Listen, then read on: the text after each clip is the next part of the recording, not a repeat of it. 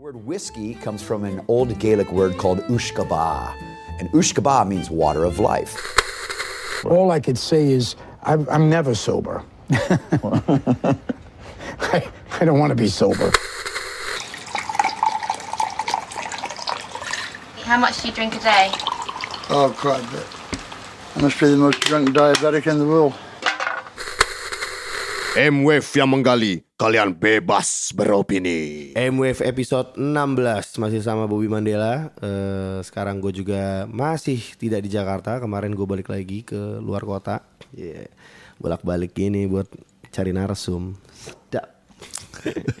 dan sekarang gue, tapi gue balik lagi ke Pulau Dewata nih sekarang. Dan gue bertemu dengan, wah ini, ini nih bapak saya di dunia perminuman single malt.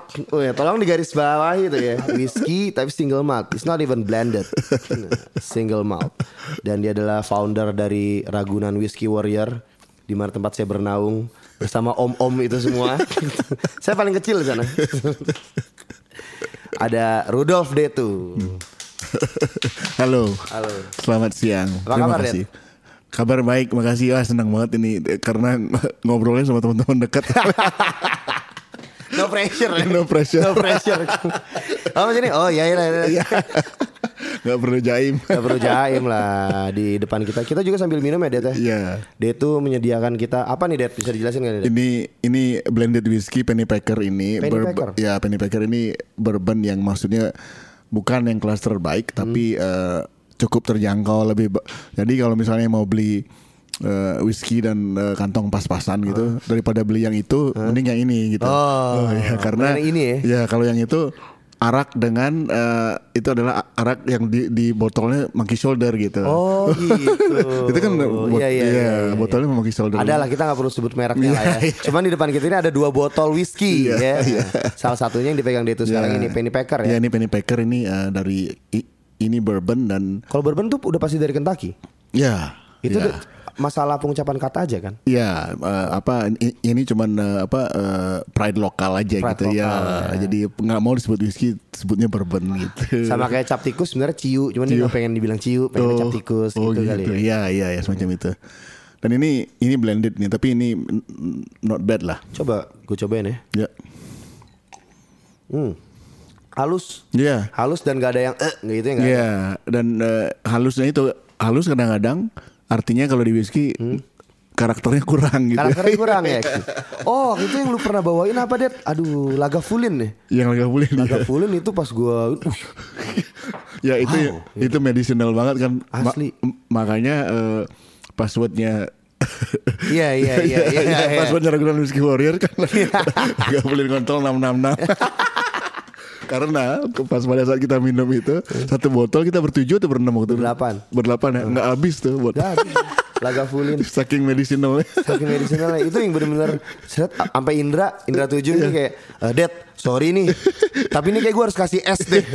Dia tuh yang, eh jangan deh, jangan kasih es yang gini, nggak menghargai gitu. Terus kita kita yang wah Indra lu parah, Indra masa pakai es gitu gitu.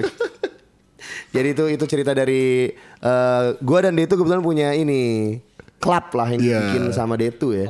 Gue juga gak ngerti tau gue di invite. Wah saya di invite. Apa nih Det isinya? Ternyata umpatan semua isinya. itu klub yang menarik itu bisa diceritain gak sih kenapa lu akhirnya memutuskan bikin eh, klub itu? ya idenya datang Kenapa dari kayak Alice Cooper nih? Eh, Hollywood Hollywood Vampire gak gitu? ya? yang grup di Ragunan Whiskey Warrior itu sebenarnya terinspirasi sama bir gembira. Oh gitu. Ya karena bir gembira itu sebutannya kan bagus banget. Ya. Nah terus gue pikir ini grup whisky belum ada. Kebetulan kita belakangan kan selalu minum whisky gitu Iya. ya. Dan gue gua makin tertarik dengan whisky ini sekitar tiga setengah tahun yang lalu kali ya. Eh, makin tertarik dengan whisky karena ternyata di sana ada ada cerita gitu di di belakangnya ini apa ini da- dari daerah mana. Terus eh, kayak Jack Daniel sendiri misalnya kalau men- apa promosinya pegawai-pegawainya yang yang diliatin pakai ini eh, oh, pekerja-pekerjanya. Jadi nggak nggak apa eh, dan juga rasanya macam-macam gitu. Nah, jadi- dan tapi yang gue lihat yang kenapa akhirnya kita bikin dan kita bikin dengan orang-orang yang maksudnya yang kelas pekerja dan orang-orang yang dekat dengan musik atau segala macam itu pendekatannya kalau menurut, menurut gue pendekatannya punk rock dari kita karena eh, di di mimpi gue itu adalah grup whiskey whiskey warriors. Warriors ini kan pejuang gitu ya. Jadi ya, kita melakukan misi suci gitu ya. Nah, misi suci punk rock itu misalnya ada dan kita ngelawan apa yang apa yang ada eh, selama ini yang yang kita lawan adalah kalau lu biasanya minum whisky lalu lalu lu merokok cerutu dan jadi tampil elit. Sementara kita tetap jagain unsur streetnya kita jaga. Iya. nah dengan begitu makanya dan ternyata eh, sambutan dari orang-orang kan se- semua orang sekarang tiba-tiba berlagak jadi peminum whisky ya. dan sebutan dan sebutan whisky warriors itu sekarang kan keren jadinya kesannya gitu dan dan itu juga melepaskan kita dari eh, apa yang terlalu prestise yang seolah-olah hanya orang-orang elit seperti itu dan ketika Anak street bisa minum. Ya, nasib bisa. Dan kenapa nih dibikin grup karena whisky itu kan mahal. Jadi kita ketika kita berkelompok kita chip in saweran Iya, un- untuk saweran. belinya dan kenapa eh, mesti eh, yang mahal ya kita udah tiba di usia tertentu apa yang masuk ke ke tubuh Iya, kita iya, iya. kan eh, pasti akan akan berpengaruh keluarnya Yoi. kayak kalau kalau lu masuknya tai juga goblok akhirnya kan gitu ya Itu tuh masalah chip in tadi tuh. Hmm. Kebetulan gue sangat beruntung sekali gue berada di eh, grup eh, Ragunan Whiskey Warrior yang dibikin oleh Detu. Waktu itu Detu ngajak, oke isinya kita isinya kita berdelapan ya ya. Hmm, ya. Eh, duduk minum whisky, whiskynya juga tuh single malt yang Hmm. sebelum minum tuh dia tuh bakal Eh, ini nih, ini dari ini nih, ini ini prosesnya gini gini ini ti- 15 tahun nih, wah 15 tahun nggak boleh pakai es ya, wah nggak boleh pakai es. Duduk lah kita berdelapan ya biasanya saat saat gue yang paling kecil di situ, paling kecil gue, oh Jimmy paling kecil, Jimmy ya oh Jimmy lebih kecil Jimmy lebih kecil dari gue. Isi- isinya si eh, Ragunan Whisky Warrior tuh. eh Detu, Don Setiawan, Indra Tuju, Leonardo Ringo, eh, Rio Wicaksono, Jimmy Simatupang, lu gue, ya Gue tujuh tujuh dan Tony Tandun. oh ya tuh ditanda Tony Tandun. Yang megang kunci di Ragunan itu Tony Tandun dan Rudolf Detu. Nah, dua orang itu. Kenapa di Ragunan? Karena emang di rumah Detu ya, Iya, waktu itu ya. iya, di iya. Ragunan. Makanya Ragunan hampir setiap bulan kita ada acara whisky Iya, bersama ngomongin politik dan porno. Sofia Lacuba. gitu itulah pokoknya diomongin. Nah, Iya. suatu hari terjadilah pembahasan eh, mengenai whisky-whisky ini lebih mendalam dari Iya. itu bahwa ternyata eh ternyata nih apa tuh DT blended sama ini ada yang rasanya mirip apa Ya blended um, maksudnya kalau blended itu kan se- sekarang eh, gampang ngebedainnya bl- blended itu berarti yang dibikin dari campuran gitu ya. Nah kalau kalau single malt gentongnya dari, dari satu gentong gitu. Itu terus dan itu dijagain selama bertahun-tahun gitu kan. Nah dan caranya minum juga gampang. Yang enak juga kalau minum whisky itu gampang. Kalau blended pakai es, kalau nggak k- kalau single malt nggak pakai es, udah itu aja nggak ada ya. ada peraturan lain lagi dan eh, dengan begitu jauh lebih simpel kalau kalau kita kalau kita ke mana-mana gitu dan kita tahu kenapa blended itu di- dipakein es karena sedikit lebih kasar daripada single malt ya jadi mesti di esin dikit biar eh, agak kasarnya itu hilang gitu Iya. Itu pelajaran gue dapat dari dia tuh. Akhirnya waktu itu dia tapi gue pengen dingin. Oh lu pakai ini bro. Gitu. Diambil dari kulkas. Ada cube. ya Apa ya, namanya, ya. Apa namanya? yang stone stone cube Stone ya cube Iya, iya, loh. iya, iya. Pakai ini jadi nggak ngerusak Bob. Oh siap. Bener enak enak enak enak. Gitu loh. Kita udah nggak mainan lagi ya. Padahal pada saat ketika itu terjadi itu harusnya chip in ya. Cuman yang paling jarang chip in adalah gue, Rio Wicaksono, dan Jimmy Simatupang. Paling muda semua. Paling muda semua tuh. Ya, ntar chip in, oh ya ntar gue transfer. Ya, ntar ngomongnya gitu kan. Tapi ntar biasanya Om Don, ah udah, bisa, buat besok aja, buat besok aja. Iya, ya. Terus iya. ntar gue juga, Om Don seberapa nomor rekening Om? Kita berapa Om?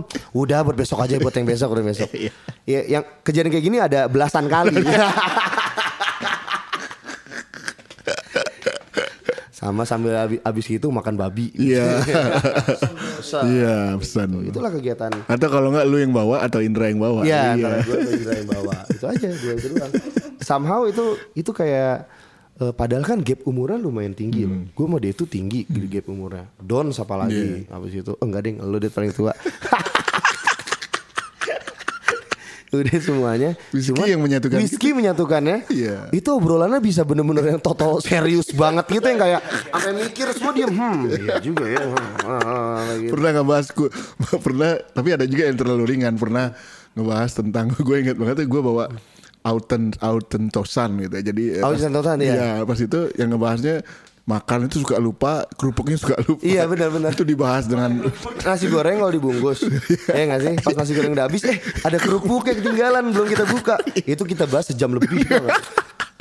Gara-gara Apa nah, Aus- Aut- Auten Auten Tosan gitu. pas baru datang gue juga Dad nih bacanya apaan Dad? Autan gitu. Aneh-aneh soal whisky itu tuh. Nah cuman pada zaman dulu nih Dad. Zaman lo dulu nih way back nih ya Back in the day. Eh gelas lo mana Dad Tuang dulu ya thank you Waktu lu zaman kecil deh Zaman kecil lu tuh berarti tahun berapa sih? Tahun 70-an ya Dad ya? early 80s Early 80s ya? Itu kayak gimana tuh Dad? Suasananya Dad? Wah, Bali itu Bali beda banget ya. Eh, nggak kayak sekarang sebenarnya ini eh, agak kurang terkontrol juga gitu ya. Beda kalau pertama kali gue ke Sydney itu tahun 88. Kembali 10 tahun kemudian sama. Sama. nggak ada perubahan apa-apa. Eh, rela- relatif sama gitu. Jadi lo inget tempatnya. Sementara kalau kalau di sini kayak gue dulu zaman SMP gitu ya ada yang namanya sandbar jalan di Kuta tuh belum belum diaspal Masih batu gitu? ya masih masih batu cuman di di jalan-jalan tertentu aja yang yang mau ke pantai ada seperti itu dan eh, cukup menyedihkan sebenarnya karena dan zaman dulu tuh kalau di Kuta lu masih bisa lihat maksudnya di kita kita ngintip-ngintip boleh telanjang kita boleh boleh eh, topless gitu ya Masih ada dulu ya banyak? Iya di Seminyak tuh eh, ter- terutama. Eh, tapi eh, di, di di sisi lain eh oh juga yang yang menarik itu zaman-zaman muda itu eh kalau kita minum arak itu tenang. Maksudnya nggak ada kekhawatiran kayak sekarang bisa buta, bisa iya, ya. iya, iya, iya. karena murni gitu ya, murni dan eh, langsung da- dari Karangasem dibawa atau atau mereka olah sendiri di sini, tapi nggak nggak nggak dicampur-campur, nggak ada kayak sok bikin koktail gitu ya, ya. Jadi semua start dari arak ya? Arak, ya, arak dan semua semua dari kita minum arak tuh biasa, maksudnya nggak tidak ada Nothing ketakut- special Ya gitu. nothing special. Maksudnya kalau setelah lu eh, pertama kan belajar min- minum green sand dulu ya. Green, Iya benar. ya. Gue juga lagi. Iya. kan green sand dulu green sand, udah gitu baru minum bir, dari bir pindah ke arak, setelah itu baru mensen segala macam gitu ya. Nah, di situ juga yang menarik eh, bahwa di zaman-zaman di early 80s itu kan banyak ada toko kaset tuh. Musik yang paling terkenal di eh, jenis musik yang terkenal di Indonesia eh, di Bali dulu itu eh, bukan jenis musik apa musik yang lebih dikenal bukan musik dari Amerika tapi dari Australia. Kita lebih eh, lebih akrab dengan Midnight Oil, The Angels, ACDC yang gitu-gitu. John Farnham. Birthday Eh, party. Ya, jadi eh, eh, i- it- itu gara-garanya eh, Australia apa Bali adalah rumah kedua bagi orang-orang Australia dan semu dan kita dulu namanya ke- kenal namanya pub crawl. Jadi orang boleh-boleh Australia itu dari satu satu pub ke pub yang lain. Di iniin apa ya, naik bis gitu ya naik bis. Naik bis kecil gitu eh, pindah-pindah bar. Kayak Metro Mini gitu. kayak metro mini gitu terus di jalan wah wah. Wow dan things ya. ya wild things. Dan kita udah dari kecil kita udah terbiasa dengan yang seperti itu. Dan nggak ada apa eh, bukannya berarti dengan begitu kita menjadi orang yang dekaden jadi dia lu eh, eh, peraturan apa kena agama Enggak ah, juga ya. enggak biasa aja Biasa aja ya. ya dan eh, apa dari kecil kita dari dari SMA gitu kelas 1 SMA itu udah udah masuk ke klub-klub gitu dan eh, nyari-nyari bule gitu minum-minum bir eh, bekas bule gitu Biar bekas bule. Jadi di apa lah ada di meja Iya, gitu masih setengah Ya, minum lari, gitu lah. lari. Kayak gitu kenakalannya dulu ya.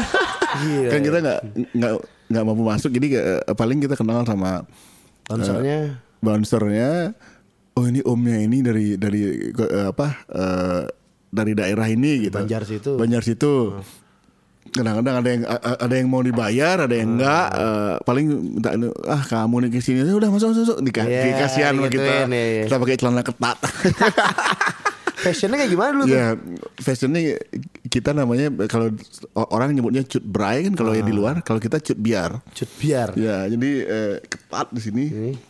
Gitu ya. Kalau yang kalau cut bray kan ng- nggak terlalu ketat dia maksudnya me- gini aja. Kalau di, ini- di sini ketat. Gubiar banget ya, Ya, kayak like 70s banget gitu. Iya, Kayak banget. Led Zeppelin manggung tahun 71 lah ya. Iya, iya.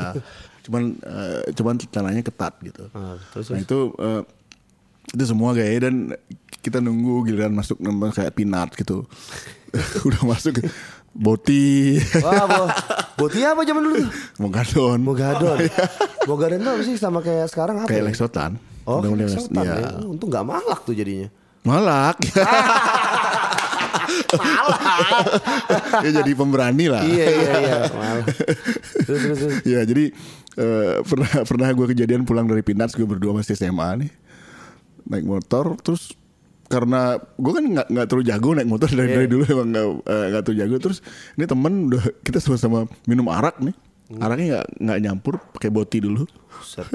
Nggak nyampur pulang. Udah di di, di dalam klub di di Pinas udah wah pokoknya nggak udah nggak inget ngapain. Pas pulang jatuh kita nih. Ah. jatuh bos motornya bengkok nih.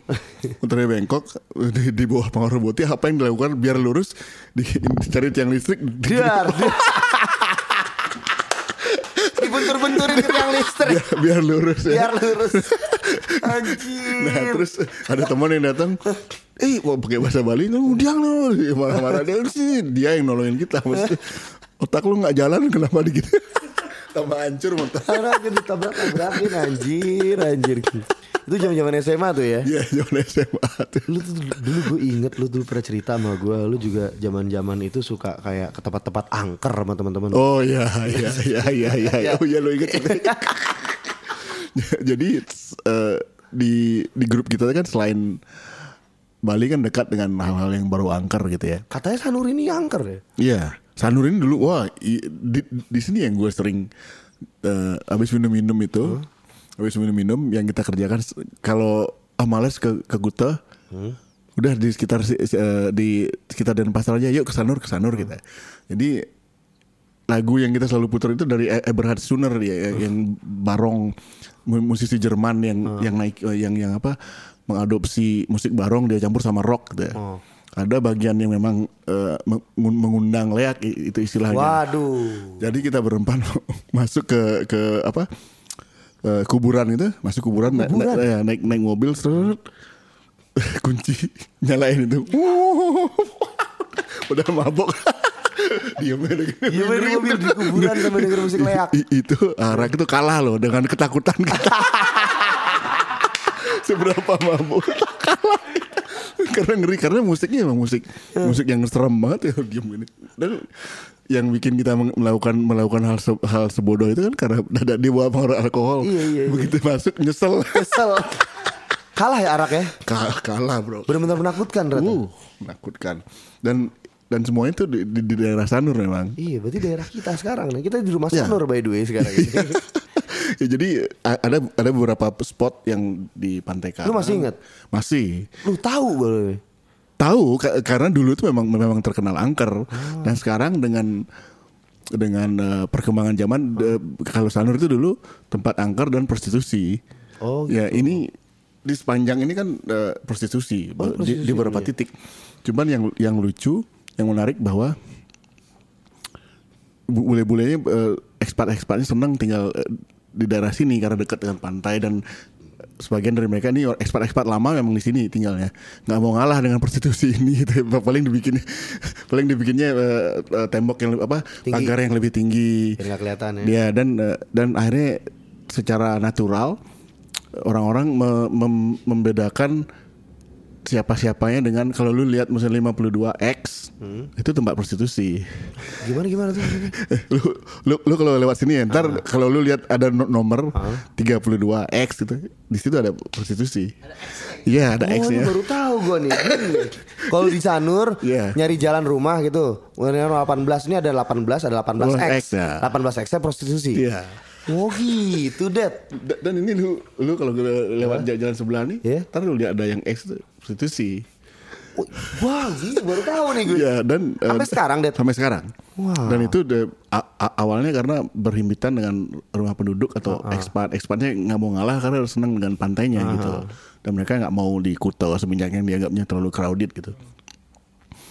Cuman nggak nggak bakalan lu salah masuk ke- kalau eh, ini prostitusi atau bukan? Itu rumah, rumah pas lu masuk ada cewek. Iya, bungalow kita nyebutnya ya kayak bungalow. Oh. Jadi ada kamar-kamar gitu. Dan mereka biasanya lu masuk nggak langsung kelihatan rumahnya, sebelok. Di, di temboknya kan ada 5 2 X. Ah. Tapi itu santai aja orang. Santai dan itu yang yang yang gue bilang tidak melihat daerah di seluruh daerah prostitusi Ya, soalnya. enggak dan juga itu tidak membuat lu menjadi orang yang penuh dosa atau apa Iya, ya. Itu memang manusia kalau udah di, dihadapkan dengan opsi-opsi seperti itu lama-lama terbiasa dia. Iya, Ya. iya. Nah karena gue kaget sih, ini kan gue baru tahu nih dari lu nih, bener-bener baru sekarang. Sanur ini sepanjang jalan tidak terlihat sama sekali kayak prostitusi. Justru Iya. gue pikir nih kayak tempat bule-bule udah tua, males gitu makanya Iya. ke sini. Dan ini ini justru pusatnya. Ini daerah Bengandangan. Hmm. Ini pusatnya prostitusi zaman dulu. Wih, tidak terlihat seperti itu ya. Coba Jakarta bisa kayak begitu ya. Iya. Dan yang masih tersisa adalah attitude-nya di Jalan Danau Poso ini kan ini kan depannya Jalan Danau Poso Iya, ya. Poso. Danau Poso ini eh, bar-bar yang ada sebagian besar bar-barnya ada ceweknya di dalamnya. ya. Oh gitu. Iya, itu masih sis- sisa-sisa. Ya. Sisa-sisa ya. Hmm. Oke oke oke. Terus kita balik lagi ke minum dulu ya deh beli minum dulu. Hmm, cheers. Cheers cheers cheers. ah, udah, aduh, weh. Abis itu SMA udah kelar. Hmm. Memutuskan untuk hijrah. Oh. Hijrah ke kapal maksudnya. Oh ya, enggak yang yang yang ini belum, yang jalan billboard belum. Oh iya billboard billboard. Hmm. Eh, keter- ketertarikan gue sama musik Awal-awal di- ketertarikan ya, lo ya. sama musik nih ya? Iya, awal-awalnya itu dan dan akhirnya le- lebih memilih menjadi pengamat intelektual musik eh, seperti itu karena adik gue jago banget main main gitar Iya. bokap juga gue gue nggak bisa dan kebetulan gue lebih suka membaca dan eh, ternyata bokap saat itu kerja di Bali Hyatt dia deket dengan DJ di, di klub klub malam pertama internasional di Bali Namanya apa tuh? Eh, Matahari namanya Matahari. dari dia, dia orang Amerika. Jadi dia panduannya untuk tentang lagu-lagu segala macam DJ DJ zaman itu adalah majalah Billboard. Hmm. Jadi majalah-majalah Billboard lama yang udah nggak kepake sama dia, sama bokap dia bawa pulang. Iya. Terus gua yang baca gitu. Baca. Nah, nah, dari situ ha- nah, akhirnya tahu lebih tahu paling banyak dibandingin sama teman-teman SD gua itu Iya. kelas 4 SD. Sampai ke SMP, SMA akhirnya memang jadi ensiklopedia untuk teman-teman sekitar Hmm. gitu. Dan Karena berprivilege dapat billboard itu ya tadi dari privilege bokap. itu dan dan dan makanya yang lain yang lain-lain kan ada yang dulunya anak metal tiba-tiba sama sekali nggak nggak menyentuh musik. Iya. sementara ke, kedalamannya kurang gini. Kurang dalam ya. ya kurang dalam. Ya nah dan dari semua itu akhirnya ketika setelah gue tamat SMA kuliah dan dapat kesempatan untuk eh, kerja di kapal pesiar. Maksudnya zaman itu eh Holland America Line itu datang dia dia jemput bola. Jadi kerja di kapal pesiar itu di di Bali saat itu dianggap keren banget gitu. Dan keren banget karena pertama kita nggak perlu ngeluarin duit yang penting lu lu cukup pintar dalam berkomunikasi gitu Iya. ya modalnya bisa berbahasa Inggris saja dan malah eh, oleh perusahaan yang Holland America Line ini eh, pegawai dari Bali yang di yang mereka favoritin. Makanya mereka datang dari Seattle buka di Bali. Buka di Bali. Maksudnya buka itu di di gua kan kuliah di perhotelan tuh. Iya. BPLP jadi di situ dia buka kantor kecil. Dan dia langsung merekrut eh, orang-orang mahasiswa-mahasiswa yang gue belum tamat gue udah cabut Langsung. langsung.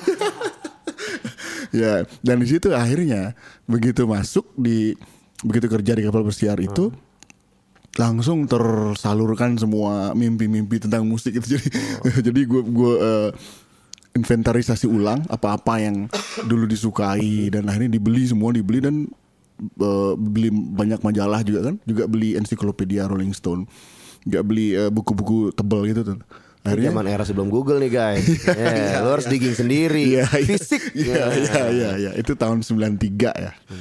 Nah, terus eh, kemudian gue balik eh, pertama kali dari eh, kapal pesiar ke, dipertemukan sama sama teman-teman baru yang sedikit lebih eh, lebih muda gitu. lima tahun gitu le- lebih muda dan mereka really into music dan eager to learn gitu ya. Jadi begitu gua datang, mereka datang dan dengerin gua semacam memberi petuah gitu ya. Padahal cuma berbagi aja. Karena antusias kayak kayak gitu kan. Setelah gua balik lagi ke kapal, gua bikin album kompilasi sendiri.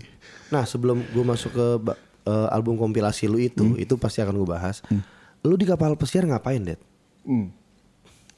Cuman jadi waiter aja biasa.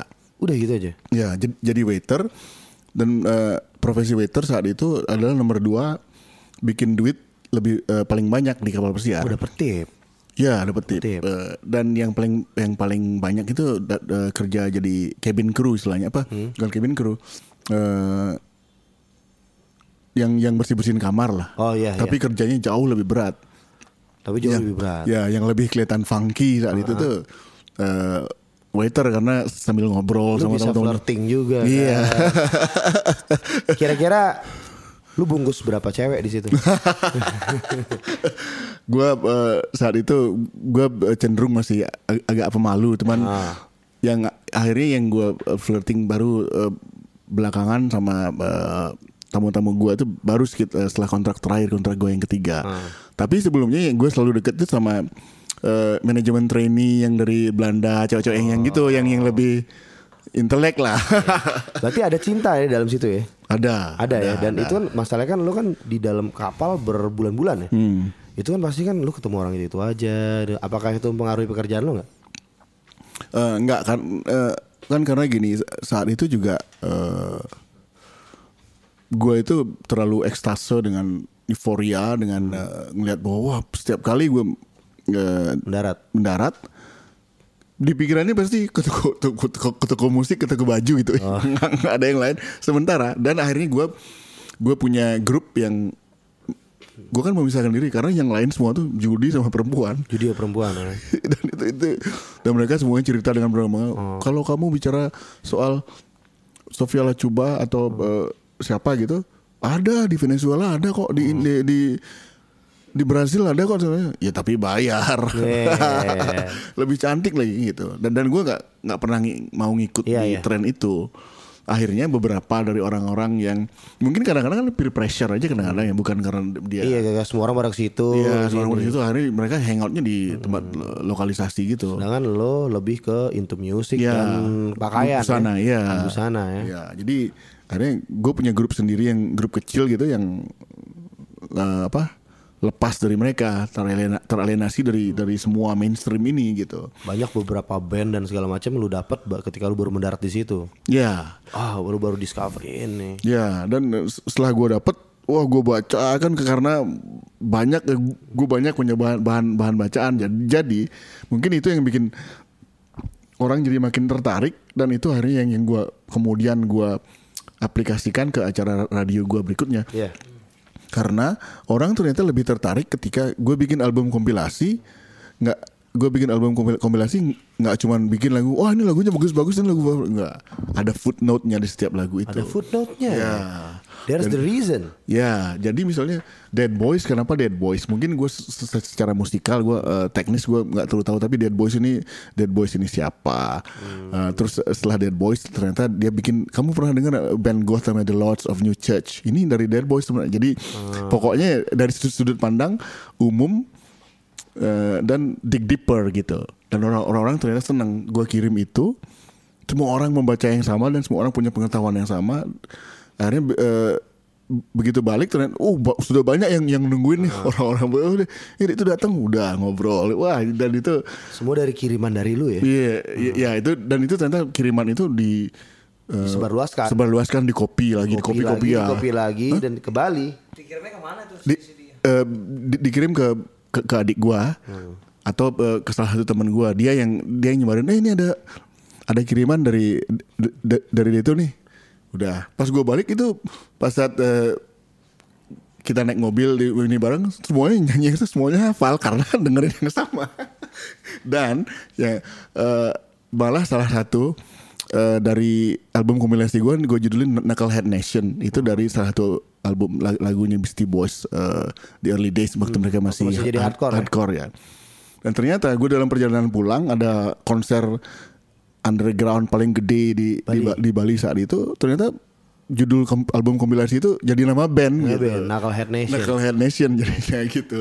Dan eh, Nah ini gue ada cerita nih masalah Knucklehead Nation. Jadi eh, beberapa saat yang lalu lah gue gue interview Jering di podcast yang sama di podcast kita juga kayak gini. Eh, Jering ada klaim yang dia bilang kalau nggak salah nih ya, Sony gue gue udah agak mabok. Kalau nggak salah dia ngomong aku tidak yakin tapi aku yakin dan merasa nyaman bisa mengatakan bahwa Knucklehead Nation adalah band punk pertama di Bali, bukan SID. Itu Jering yang ngomong. ya ya ya. Gimana tuh? Ya, eh, gua agak kurang Menurut lo gimana?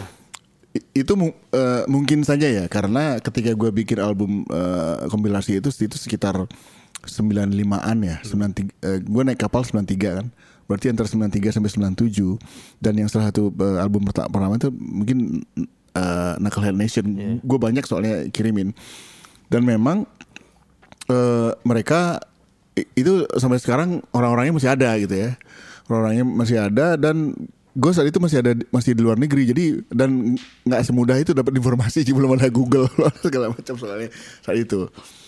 Bagus banget kalau misalnya ada seperti itu. Tapi kalau dilihat secara eh, perjalanan waktu cukup ya Bisa dibilang ya. ya legit lah cukup legit ya legit ya? ya cukup Ya, legit atau lolot.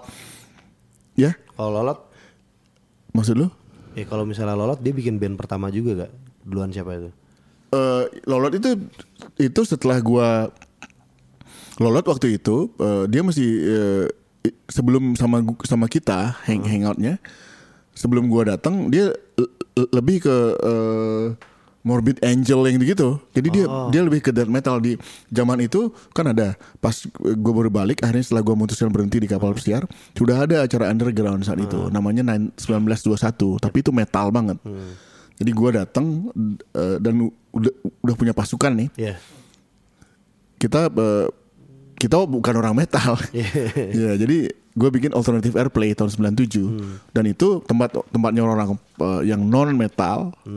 Itu semuanya situ hardcore, punk rock, bahkan eh, techno atau orang yang siap eh, membuka diri Iya, gitu. iya, iya. Tapi bukan metal dan bukan reggae gitu. Oh, bukan reggae. Ya. Tolong di garis bawahi bukan reggae ya. itu juga Navikula. Navikula. Album pertama Dangki masih imut gue gue wawancara. Jadi semua orang yang yang yang non nggak terlalu eh, mungkin mereka suka metal segala tapi mereka bukan bagian dari hitam-hitam berbut panjang. Oh ya, berarti cukup valid tadi ya kalau Knuckle Nation itu bukan dari eh, benar-benar dari pang pertama ya. Iya. Cukup iya. valid ya.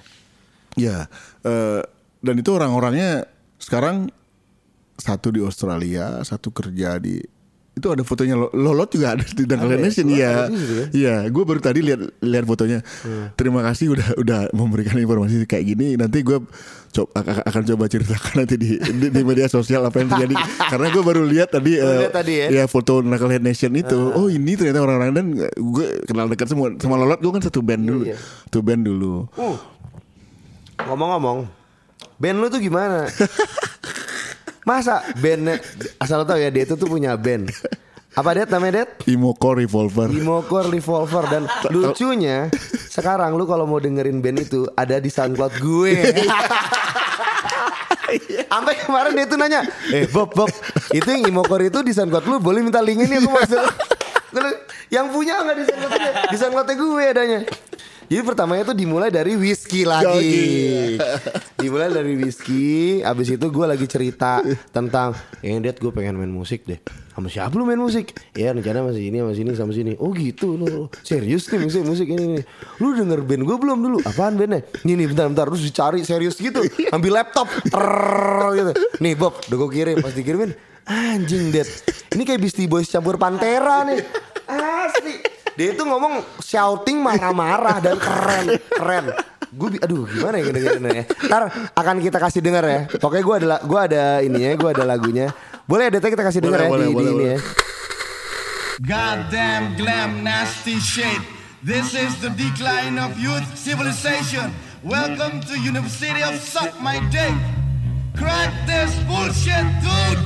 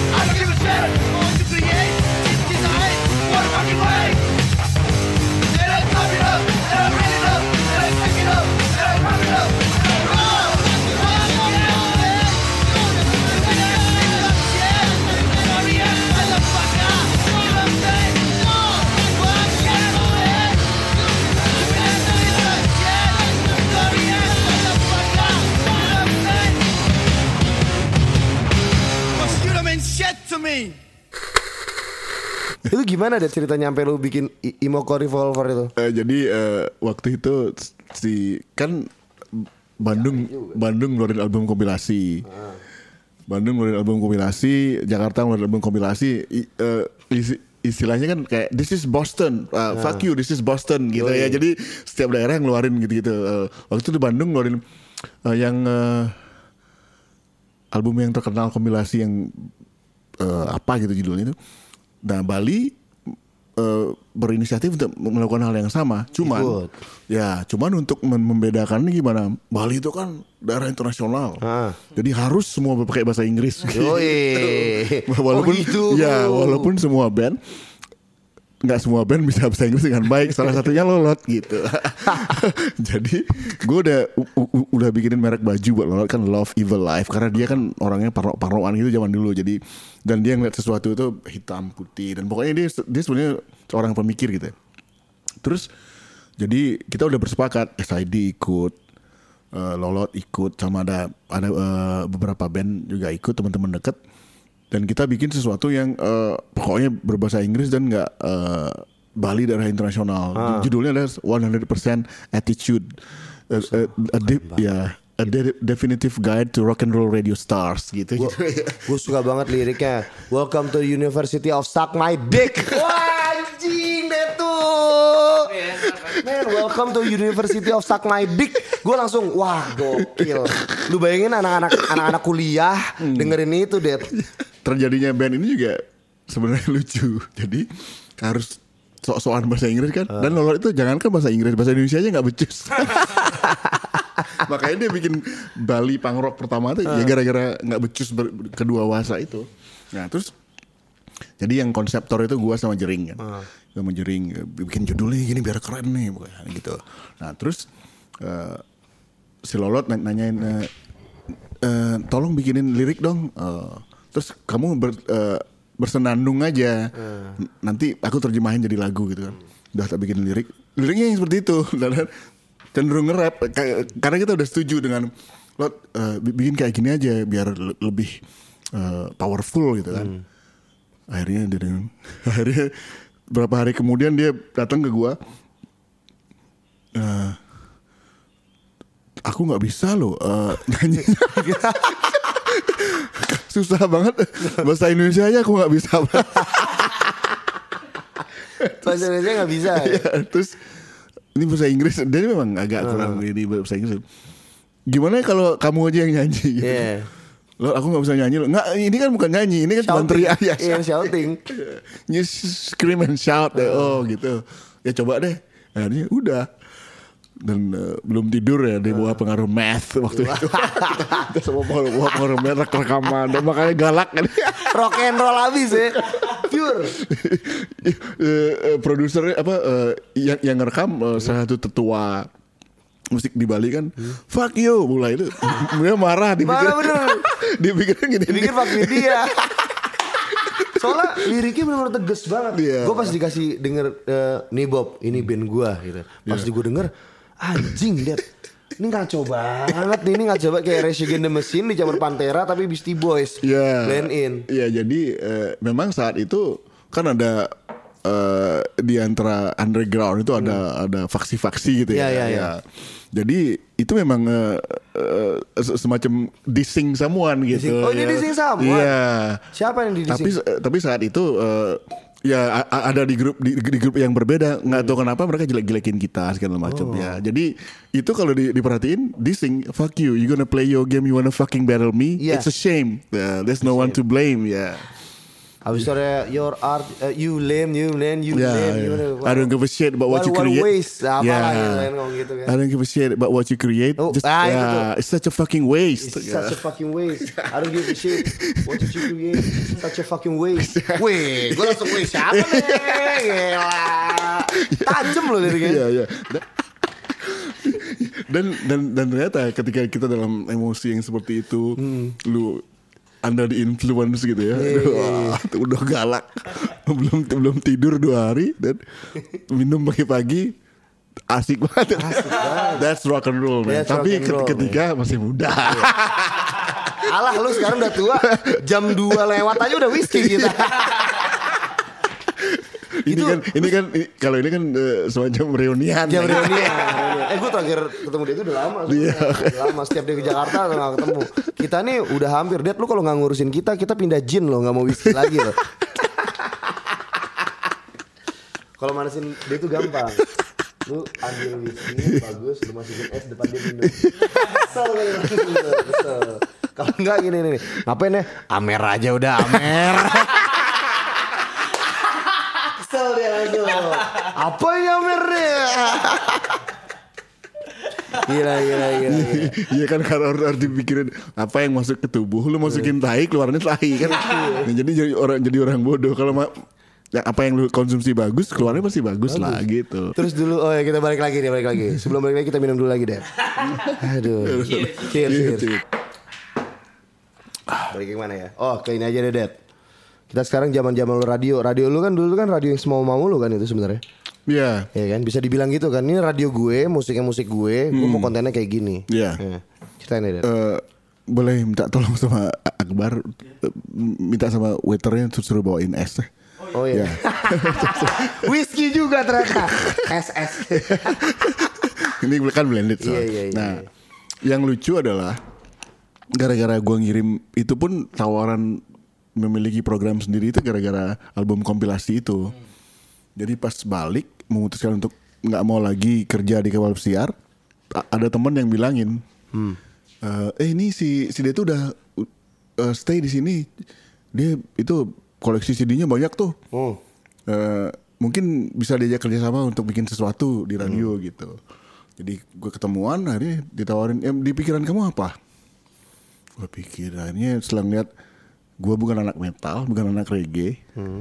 Terus gue pikir punya pengetahuan yang banyak tentang musik dari sudut pandang umum eh, pengetahuan gitu ya, knowledge. Akhirnya, oh ya gini, gue bikin eh, acara musik alternatif bukan cuman punk rock tapi dominan punk rock. Karena gue sukanya punk rock tapi di situ ada pembahas in depth ya. Kalau In depth news ya. ya, Iya, in depth iya. news ya.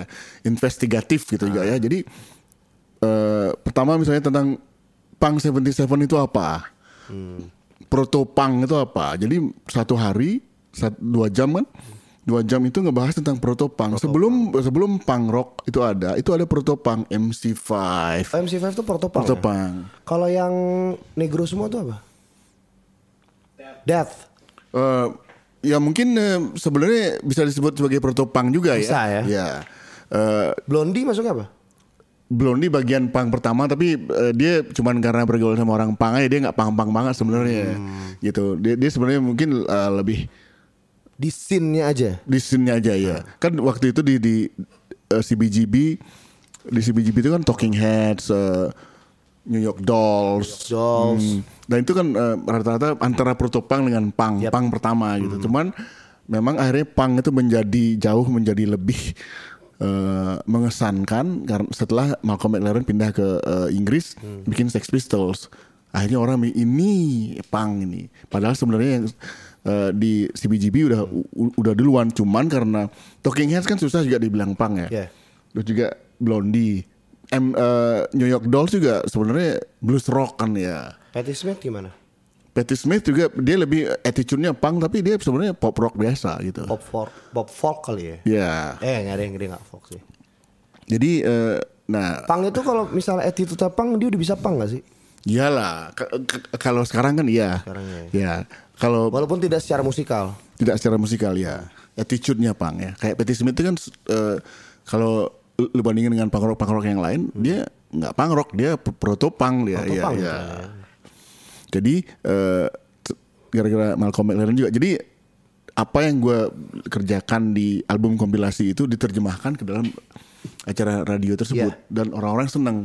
Banyak penggemarnya karena mereka senang satu topik dibahas tuntas gitu. Jadi contoh-contohnya protopang itu apa? MC5. Wah, tapi nggak semua gue punya koleksinya kan. Iya. Dan juga di saat yang sama gue udah mulai nulis saat itu. Cuman belum belum punya banyak eh, outlet untuk menuliskan itu. Baru kemudian setelah ada Yahoo Groups Ya, Yahoo Group. di situ yang dulu ikut di eh, Suicide Glam Nation kan gue punya Suicide Glam Nation itu Adib ada di situ, Wendy ada di situ, Andre, Andre gue nggak tahu ya. Andre Opa. Ya Andre Opa. Bukan And- Andri Lemes. Bukan. Nah terus da- dari situ ternyata banyak banget akhirnya orang-orang yang non metal dan non reggae mereka seperti menemukan muara. Jadi kita ke situ, gua siaran di dalam, yang di luar minum arak gitu. Di mana tuh siarannya dulu? Di Ra- Radio Casanova namanya. Casanova. Ya. Nama acaranya? Alternative Airplay. Alternatif Hall. Ya, jadi itu musik-musik alternatif dan eh, sel- selain gue gue eh, juga membahas tentang eh, tuntas soal itu, gue misalnya gue gue ngebahas tentang eh, techno ya, Love Parade. HP lu, Det. Angkat dulu, Det. Angkat, angkat, angkat, Det. Not wanting this one. Ya. ya terus eh, Oh, di Jakarta tuh, Det. Iya makanya pasti ada hubungannya dengan ini Eh, asuransi segala macam. Nah terus itu gue juga akhirnya kemudian setelah ada banyak ketemu sama orang-orang tersebut, gue seperti merasa kurang bahwa mereka musisi lokal ini tidak nggak dapat tempat mereka untuk wawancara. Gitu. Nah, terus akhirnya gue bikin program yang baru. eh setiap tiga minggu bakal ada. Kemarin ke- kemarin kita ngebahas grunge kan. Eh, grunge itu apa? Ini ini ini. Grunge ini, ini band-bandnya ini. Di Bali ada nggak band grunge? Ada. Eh, Begitu dibilang ada, siapa itu Navikula? Gua ngundang Navikula. Dangki datang. Oh ya, aku juga baru eh, baru aja terbitin album eh, album perdana gitu. Udah cerita di situ. Terus Oi misalnya lagi ngebahas ngebahas Oi, band Oi di Bali siapa ya? Udah minggu lalu nge- ngebahas Oi. Mi- Minggu berikutnya band Oi Bali yang diundang gitu. Ya, jadi lengkap jadinya. I- i- itu sih itu juga bukan bukan karena ide ma- masukan dari teman-teman yang sering hangout gitu. Tetap dari teman-teman ya. Iya. Nah, akhirnya itu jadi acaranya itu jadi Jadi terus-terusan. Wah, eh, dan sangat di, digemari orang. Cuman gue tuh bukan orang yang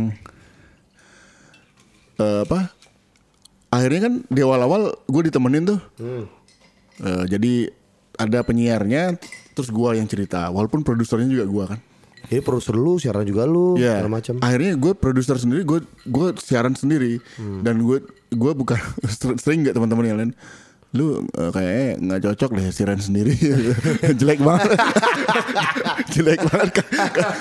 Isi materinya materinya bagus, materinya bagus. tapi- Penyampaiannya? penyampaiannya maksudnya gue nggak bisa. Halo teman-teman, selamat eh, apa kabar? nggak bisa Gue- ya. gue nggak bisa. Nggak bisa basa-basi ya? Nggak bisa basa ngomong apa ya? Harusnya ngomong aja deh, halo nih, jadi gue lagi ada ngebahas Alice in Chains nih, Iya. album ini segala macam. Lu dengerin deh, nggak bisa gitu ya? Nggak, gue gua nggak bisa. Gue beda sama lu. Lu, lu kan dari awal udah cair. Gue gue perlu it takes Iya, time iya, ya. iya.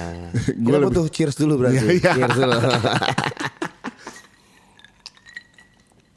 Akhirnya alternative airplay itu berhenti. Salah satunya karena pemilik radio itu protes. Ini orang nggak bisa siaran. Balik ke teknis. Kaku dan menyebak maksudnya. Dad lu gak mau nyoba podcast aja deh.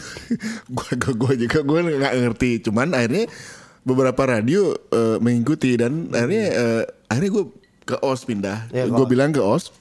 Gue bikin OS Clash Pistol nama radionya. Class Pistol. Ya, jadi eh, di situ gue bilang sama pemiliknya OS, gue bukan penyiar radio yang baik. jadi pokoknya memang eh, kingmaker itu gue kan. Nah, otaknya tetap gue, tapi yang halo eh, kawan-kawan OS apa kabar sudah bagaimana itu biar dia. gue udah siapin semua pertanyaannya segala macam. Siang eh, malam ini kita bak- bakal ngebahas rockabilly misalnya. Di situ mulainya akhirnya gue sebenarnya zaman itu ngundang The Hydran kan Wis Wis Hydran. Gue sebenarnya se- zaman itu pengen udah dari dulu yang pengen nge, eh, memanajeri mereka, tapi teman sendiri yang nggak udah jadi manajernya. Di situlah ya, gue akhirnya setelah ketemu, wah ini rockabilly mak- makin pasti dan eh, majalah Playboy akhirnya melihat fenomena menarik itu. Gimana rockabilly tahun 2007 2006 lagi- kencang dan di Bali semua terjadinya gitu.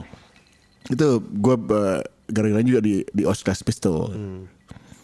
Nah ini ngomong-ngomongin soal Nih gue pengen balik ke fashion nih Soalnya lu secara sadar tidak sadar Orang-orang tuh eh, Termasuk gue pribadi ya Gue tuh menganggap lu tuh kayak eh, Malcolm McLaren-nya Bali nih Karena Oh, terima kasih. I'm flattered. ya, ya.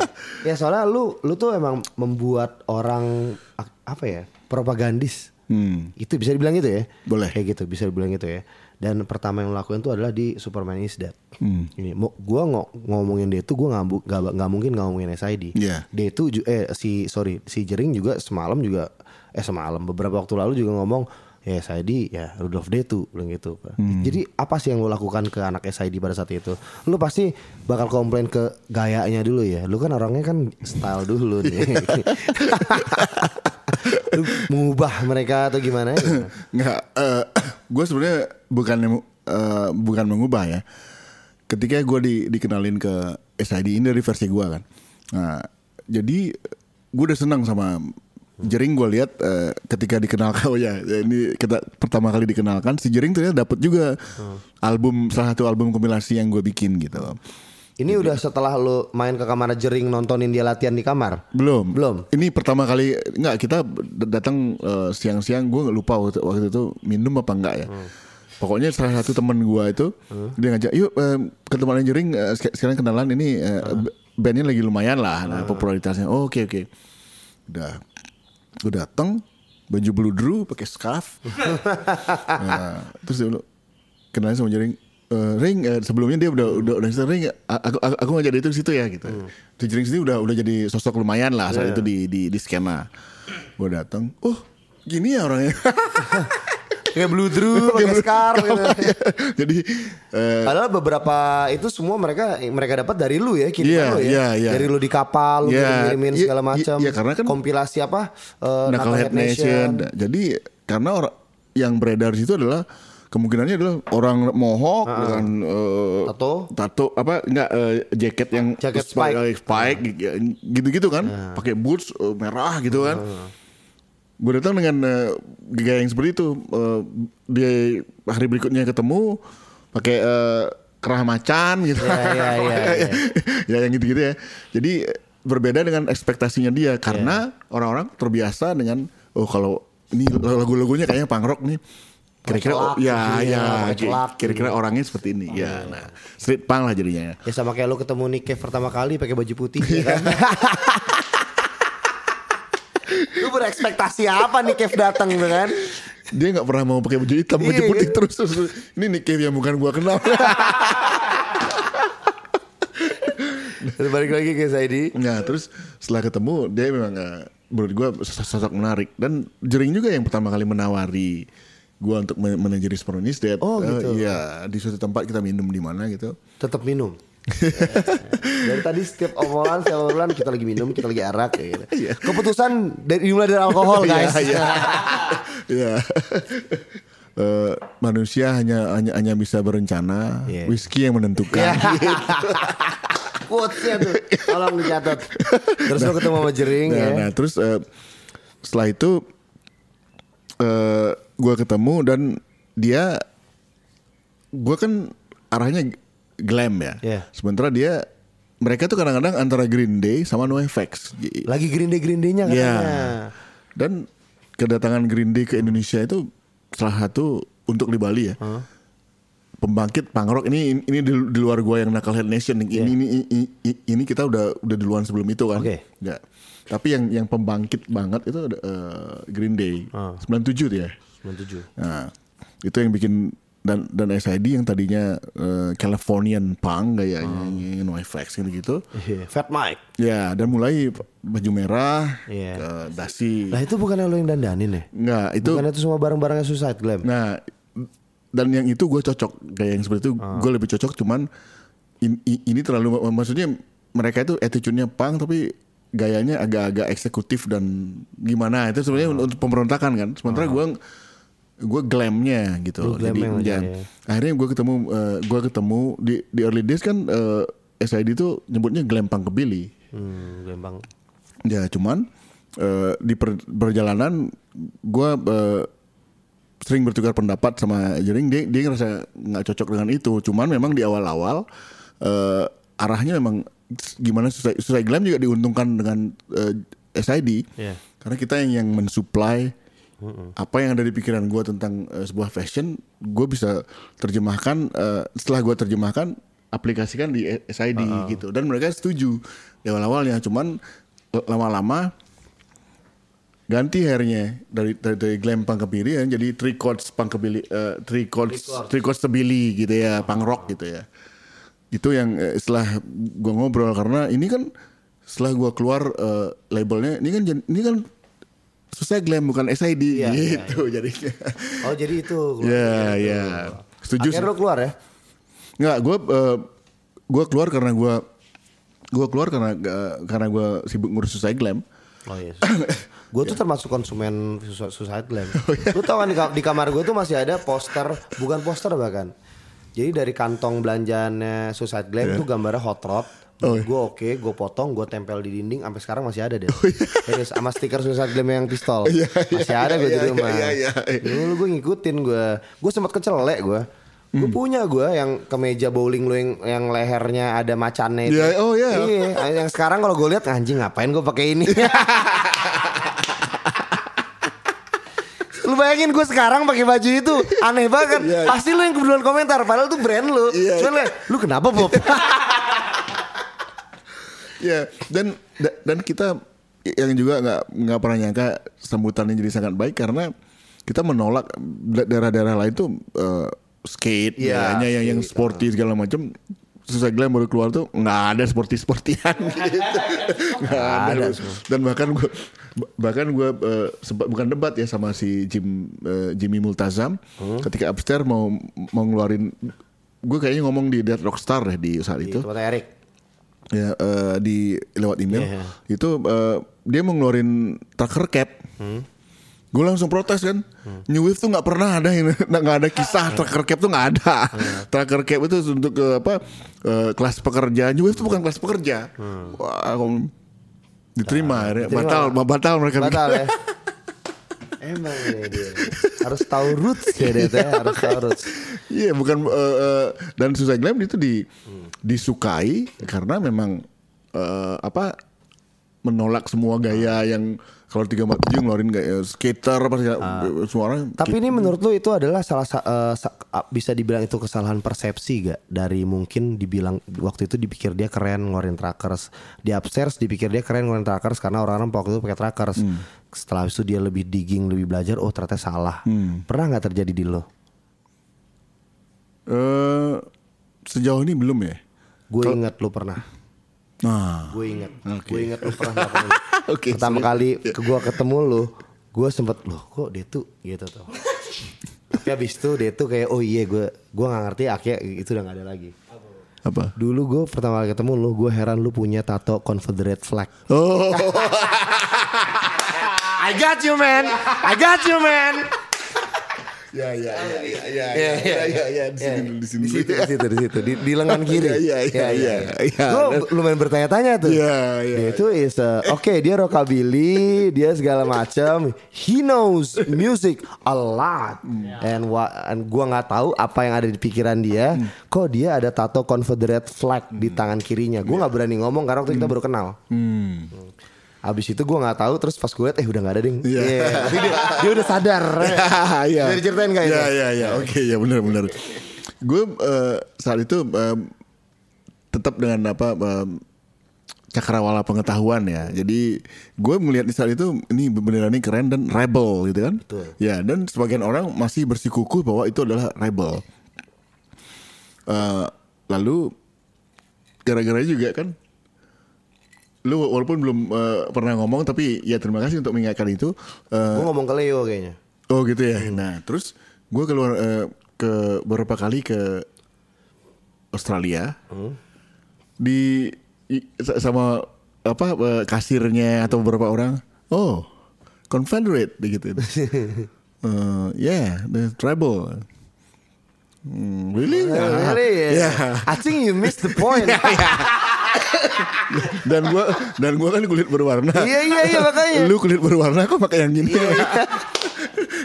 nah, terus akhirnya setelah berapa kali terus gue baca-baca ulang wah ternyata ini Slavery. ya slavery memalukan kan ini wah akhirnya gue ubah gitu ya memang dan dan itu ya terima kasih udah ngingetin nih.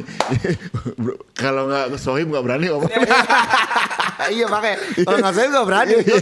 Eh nggak apa-apa deh gue ngomong gini. ya tapi memang memang itu itu kesalahan yang sangat memalukan. Karena kadang-kadang kan kita nganggap diri kita sebagai orang yang wah, progresif apa macam.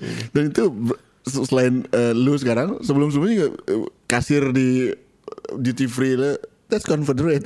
Iya, iya. oh yeah this is rebel. Hmm, really Hmm. Ini dicoba dibaca ulang oh makanya langsung da- dan di blog nih sebelum berangkat ke Viva Las Vegas Oh iya. Wow, kalau sampai Las Vegas masih Confederate ya. lewat Iya, udah hebat udah lo. udah ada nggak jadi main Iya iya iya. Manajernya udah Confederate anjir Confederate flag. dan akhirnya ke kejadian nih waktu eh, The Hydrant mau video klip di eh, syuting video klip di Jogja Ah. Jogja. ya pas mau konsep pa- pas mau syuting nih kalau si Atong masih ma- masih percaya dengan bahwa ini, ini rebel gitu kan di belakang di belakang kita kon di belakang syuting video klip bendera bendera Confederate flag gede gitu. Wah ada. Enggak, enggak. Akhirnya udah terlanjur kan dikit. Terus gue bilang eh, ke anak-anak, "Eh, bro, ini ini tato ini udah bukan Confederate. Ada alasannya. ini kalau kita perlihat sebelum kita berangkat ke Las Vegas. Las Vegas, ini kalau sampai kelihatan kenapa Habis kita. habis kita. Ini eh, band rasis apa? Rasis. Band rasis dari Indonesia yang berkulit gelap. tak jelasin ke anak akhirnya oh iya benar ya akhirnya yang yang adegan yang itu di cut dan adegan berikutnya tanpa bendera itu bendera gede Gede banget. iya. dan di eh, si si Kiki salah satu Kiki personil- PA. ya Kiki PA di- salah satu personil kan pakai ah, punya baju Confederate pada saat main gitu Iya, iya, iya. ini karena memang di ini sendiri di dalam skena rockabilly sendiri masih ada perdebatan di situ. Dari kita kalau kalau dari gua dan Dahadan sih sudah memilih untuk meninggalkan itu gitu. Balik SID. Oh lu waktu itu SID lu yang ngurus ke Jakarta gimana tuh?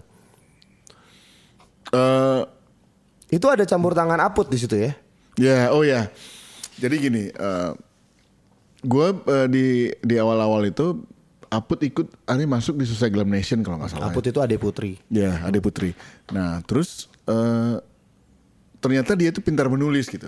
Kita jadi dekat karena akhirnya kita eh, berkorespondensi gitu. Wah, Adi ke- selalu ketawa-ketawa kalau gua kirim tulisan, "Wih, lucu banget sih." Nah, karena cocok.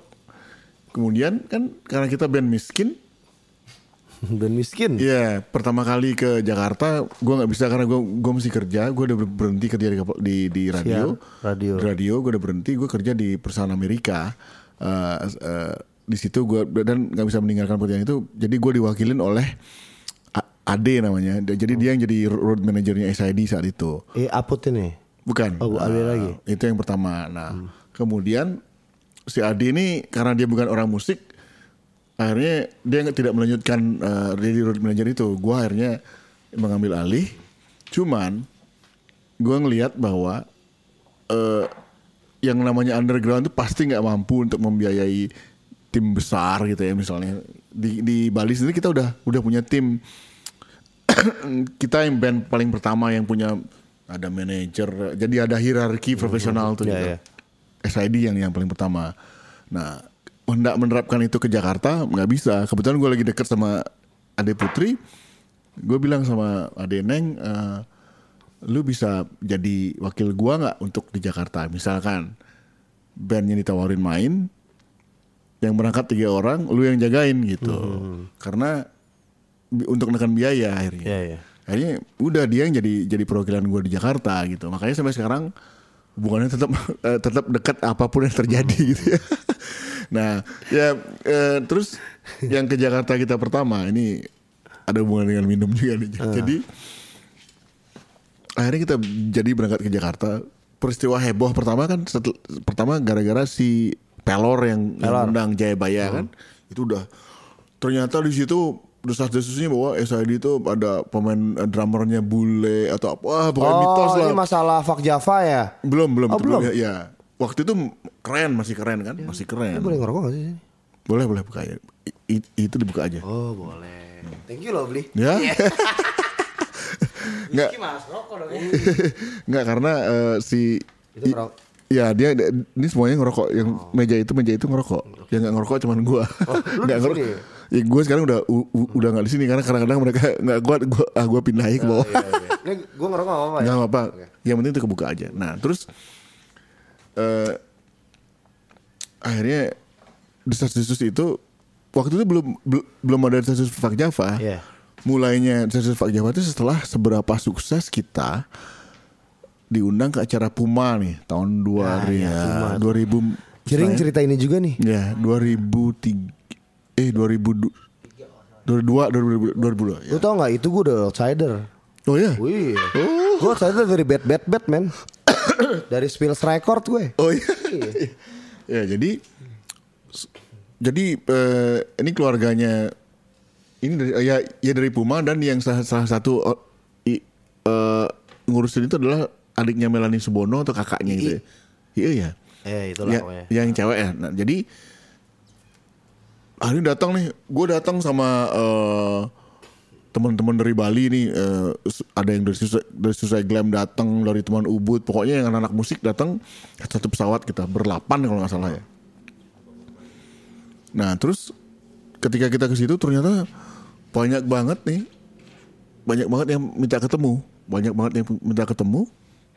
Akhirnya kita ngomong wih gimana ya caranya ngadepin orang sebanyak itu dan gue belum bisa tidak bisa me- menolak karena dari daerah gue perlu mereka kan Ya perlu banget dong. Iya, perlu Rep- banget. Representatifnya kan. ya kalau itu bukan tugasnya anak-anak anak-anak kan ya lo lo apa kabar nah terus apa yang dilakukan pilihan terbaiknya adalah beli whisky minum Minum. minum sampai di tempat oh ya malam itu Hah? malam sebelumnya anak-anak udah pulang gue gue sama Aput belum tidur kita di ke mile- milenium mile- Millennium. ngiprit. Iya iya iya iya iya iya iya iya. iya. jadi masih belum tidur mabuk ketemu sama orang halo bro apa kabar orang kan malas kalau udah udah lihat kayaknya yang penting gue dalam arti gimana cara yang ngadepin semua orang tuh ya udah mabuk aja dulu. Apa kabar bro terima kasih udah datang. Halo apa kabar? Udah udah bangsat mabuk nih orang. Jadi semuanya beres kan? Semuanya beres. Di situlah ternyata sampai Adri Subono pun datang tuh. saking mitos itu mitosnya sed- sedemikian kuat banyak banget orang-orang penting ada nungguin kita. Dan penampilan SID secara sound jelek banget. Ta, secara sound tapi ya.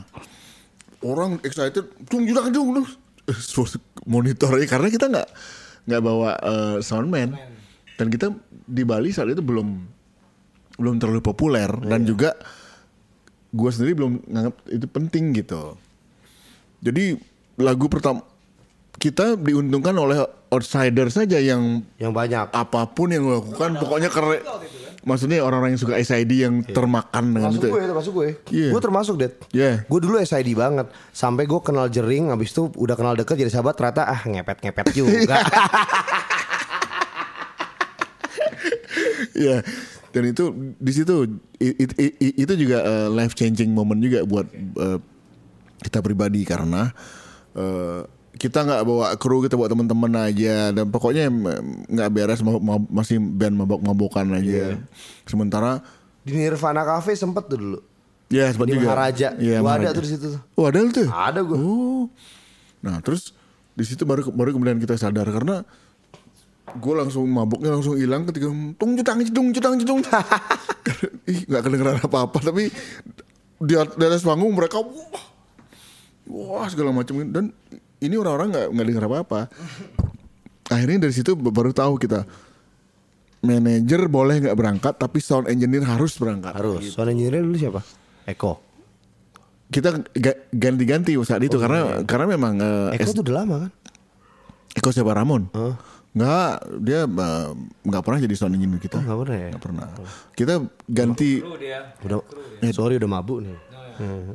ganti berapa kali, ganti berapa kali eh, sampai akhirnya ketika gue cabut, eh, gue gue oh akhirnya Yoni kita ketemu Yoni gitu. Yoni, Yoni pun itu ke- karena kita setelah acara itu diundang main di Bandung, gue teks Ucai. Ucai Ucai yang Ucai yang sekarang udah Ya, ya. Ah, Iya iya iya Ucainya yang ini apa? Ucai gue. Iya.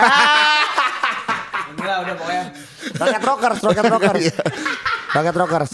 jadi Yoni nama nama munculnya nama Yoni yang jadi S, eh, jadinya SID sampai sekarang itu gara-gara bantuannya Ucai. Oh gitu. Iya, jadi pas kita mau mau main di Ba- Ba- Bandung, gue teks Ucai, Ucai eh, panitianya nggak mampu apa membiayai lebih dari segini orang gitu. Bisa dicariin sound engineer nggak khusus untuk ini? Eh, a- ada sih duit tapi sedikit. Oh iya iya. iya. Oke. Gamp- ya, gampang-gampang gitu. Waktu segini gitu. Waktu itu mah waktu itu masih masih masih deket banget ya. Iya. Ya kita nunggu dia tuh hijrah juga. Dia tuh hijrah gue hijrah juga. Atau kadang gue Aryan dia tuh jering hijrah gue hijrah.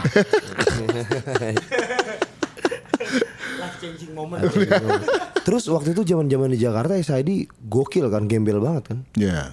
Tinggal di Kelapa Gading. ya. Ya, coba diceritain. Oh tinggal di Kelapa Gading itu sekarang nih eh, satu satu orang paling kaya di Bali lah ya si si Nova jadi kita kenal gitu. Terus eh, tinggal di situ tinggal tempatnya dia. Sering sekali kejadian kan jauh nih. eh, Iya. Jadi selatan kan. Iya. Target itu selatan. Ya, dan kita udah udah udah eh, tanda tangan kontrak sama Sony. Akhirnya di- didatangkan oleh Sony ke Jakarta. Gue belum ngerti eh, perjanjian tuh kayak gimana, duit yang akan dikeluarkan seperti apa. Gue nggak tahu. Jadi udah eh, eh, Itu gue dapat sedikit banyak eh, cerita dari A- Ade Putri juga. Hmm. Itu dia termasuk banyak menyumbang something yang mungkin lu nggak tahu apa Hmm. gitu-gitu. Bener gak? Iya iya iya Iya iya kan? iya. Nah. iya. Dia banyak ada porsi keterlibatan dia tuh banyak karena maksud ketika kita tanda tangan sekalipun si Aput tuh ada Ada ada ada, ada, di situ. Ada di buku lu gue lihat. Iya, dan dia dia memang eh, sampai sekarang pun harus diakui ke, ke- keterlibatan dia karena sosok dia juga kan maksudnya cantik, pintar gitu jadi dan SID dewasa. ya dewasa. Jadi jadi gue sendiri merasa sangat terbantu ya. Eh, mungkin SID kayak turun ngerasa tapi dari dari gue pribadi karena gue memang eh, respect sama dia karena sosoknya dia itu sangat membantu kekerenan kita juga gitu. Karena saat itu SID kan dari band punk rock daerah. Iya. gue gak nyangka lo gue bakal ngefans sama band dari Bali. Oh iya. Iya bener. Dulu gue suka sama KM Sasikun. Abis itu SID ada ah tai lah KM Sasikun. Iya, dan eh, di awal-awal kan karena gue yang paling dewasa segala macam. Jadi di awal-awal itu eh, dan juga eh, belum terbiasa untuk berha- berhadapan dengan apa-apa yang misalnya serangan dari Iya, luar iya, serangan dari gitu luar. ya. Jadi jadi di awal-awal itu kalau wawancara segala macam, gue selalu ikut. Iya. Yang di depan itu gue dan jering biasanya. Jangankan lu sekan, s- jangankan lu selalu ikut. Di foto band pun ini ini baru kali ini gue ngeliat ada band bertiga foto di ujung paling belakang ada ada manajernya. baru kali ini band foto sama manajernya cuy. Gue ngeliat ini siapa nih? Gue ini bukan ini manajernya Rudolf dia tuh. Udah gitu dia pernah macarin sepupu gue lagi.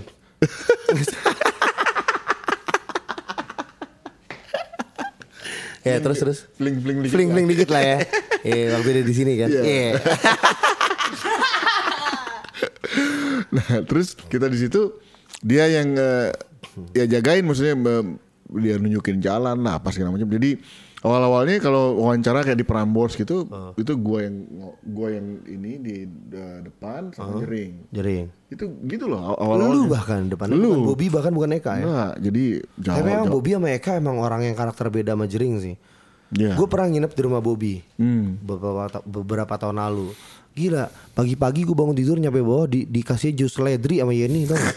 Bobby minum ini gue yang aduh jus ledri banget nih mbak Udah gitu si Bobby yang wah sehat, Ya, iya. kuat, olahraga gitu. Giliran berikutnya jering kayak Bob kamu di Jak- kamu di Bali, ke sini ke tempat aku, mabok. Beda banget sama Bobby asli. Kalau Eka ngajakinnya mancing, kapan kamu mancing? Kapan kamu mancing? Gitu. Iya. Beda semua karakternya. Iya beda. Dan, eh, dan memang ya, eh, di situ memang yang maksudnya eh, paling berani ngomong itu memang eh, si Jering. si Jering ya. Jadi makanya setiap kali kita wawancara itu di awalnya adalah gua sama Jering. Tapi lama-lama dan ada Putri kalau Ja- Jakarta ya, ada Putri yang jagain di belakang. Gua akhirnya mundur karena gue bilang sama mereka, ini kan ketika diwawancara itu yang diwawancara yang menjawab adalah anggota bandnya bukan manajernya. Iya iya iya benar benar benar. Akhirnya udah dulu-dulu itu yang jawab kalau wawancara ya misalnya siapa wawancara Andre Opa, Adib siapa wawancara itu yang jawab semua pertanyaan Aput. itu gua Lu, lu ya, bukan dari band justru ya. bukan dari band. Lu representatif dari bandnya. Ya itu makanya gue bilang lu tuh kayak Malcolm McLaren-nya Bali. Iya, Dan tapi lu membuat style mereka kayak gitu. Sorry nih, ini uh, my humble opinion ya. Uh, pada saat itu uh, ya 2000 berapa udah 2003, 2004, 2003 2003 ya. Itu style SID total suicide glam. Pakai bowling Iya. shirt, pakai segala macem, pakai impala, impalanya sih itu segala macem. Gue ngerasanya oh ini Impalanya isi- memang si Jering yang punya impalanya. dan yang akhirnya impalanya udah di Jakarta sekarang dijual ke Alit. Oh iya. Ada ada motovlogger juga namanya Alit, Shitlicious namanya. Jadi jering gue. Jadi jering sekarang pakai mobil tua juga, Hmm. tapi ramah lingkungan karena mesin diganti. Hmm. Biasa jering, alasan lingkungan kan. Orang dia di Enders Body Shop. tapi pada saat di Jakarta SID gembel ya. Padahal di Bali dewa. Ya nggak gembelnya maksudnya eh, sebenarnya saat itu mereka memang nggak pedulian. Oh, oh eh, tadi kelupaan. Pada saat pada saat rekaman Rekaman, contohnya, rekaman, rekaman. gue berani ngomong ini ya. Berani lah, ini kan podcast. Udah lah. Minum aja, minum. Cheers dulu, cheers dulu, cheers dulu. Cheers dulu biar berani, biar berani. Biar keluar semua yang harusnya nggak keluar. Ini gue udah gak mabok sih. Jadi sering kejadian, bukan sering ya, ber- beberapa kali ya. Eh, gue udah di rumah nih. Eh, jadi pada saat malam itu kita ke mana, ke mana, ke mana. Stadium. di sendiri sendiri gitu kan. Nah terus eh perjalanan dari perjalanan dari Kelapa Gading ke studionya di Lebak Bulus nih dari Kelapa Gading. Lebak Oh Bulus. makanya ada Lebak Bulus Punk Rock Choir Iya. di eh, lagu Musuh Eh, iya, Sahabat. Lebak in- incidental Lebak Bulus Punk Rock Choir. Itu siapa aja sih? itu sih Elor. itu pun karena tiba-tiba di, di sebuah lagu kita perlu ngomong hey what you doing here Iya. nah, gue ngomong apa kayak kayak kayak gitu Eh, perlu ada backing vokal nih. Eh, pas ada si pas ada si pelor segala macam teman masuk. Udah masuk udah dia aja. Namanya apa ya? Biar keren. Lebak Bulus. ya gue itu akhirnya gue bikin nama. Jadi Oh itu lu yang bikin nama? ini album album itu anak-anak. Hah? Kuta Rock City, Rock City. Itu gue kena di situ. semua hampir seluruh ini nih tapi tentu atas persetujuan SID ya itu gue yang konsepin Bob. Lu yang ngonsepin semuanya? gue yang konsepin eh, i- ini kalau seperti ini gimana nama-nama pe- penamaan. Karena anak-anak di awal itu di daerah kan maksudnya eh, belum terbiasa untuk menamakan apa ini itu jadi gue kan udah udah datang dengan Knucklehead Nation sebelumnya. Iya, iya, ya iya. jadi udah biasa cari-cari nama. Ini namanya apa ya? Oh karena karena karena tiba-tiba nggak nggak direncanakan sebenarnya oh di incidental Lebak Bulus Lebak Bulus tempatnya punk rock karena uh, nginanya punk rock Sebenarnya di sana di? Lebak Bulus tuh isinya pangrok pangrok ini, pangrok yang pakai ukulele itu. Lumayan. Kuang ku- kuangtung namanya. Pangtung, pang Pangtung. pangkentrung. Pangkentrung. Eh, yang dia pakai uh pakai exploited Iya, segala macam misfit segala macam tapi gue yakin mereka dengerin albumnya Iya, iya. terus ke angkot-angkot Iya, minta iya, duit itu tuh Lebak Bulus lebih kayak itu sih oh iya iya ya itu eh, n- namanya disesuaikan aja. Gue sempat berpikiran itu adalah anak-anak Lebak Bulus yang itu ternyata enggak ya, ternyata Rian Pelor. Enggak, ya. enggak. Rian Pelor ya. i- i- itu uh, teman-teman dekat kita yang lagi ada lagi nemenin buat minum-minum di luar itu. Hmm. Udah. Dan suatu hari atau beberapa hari beberapa waktu ada kejadian yang mirip. Kita kan sekitar tiga minggu ya di situ.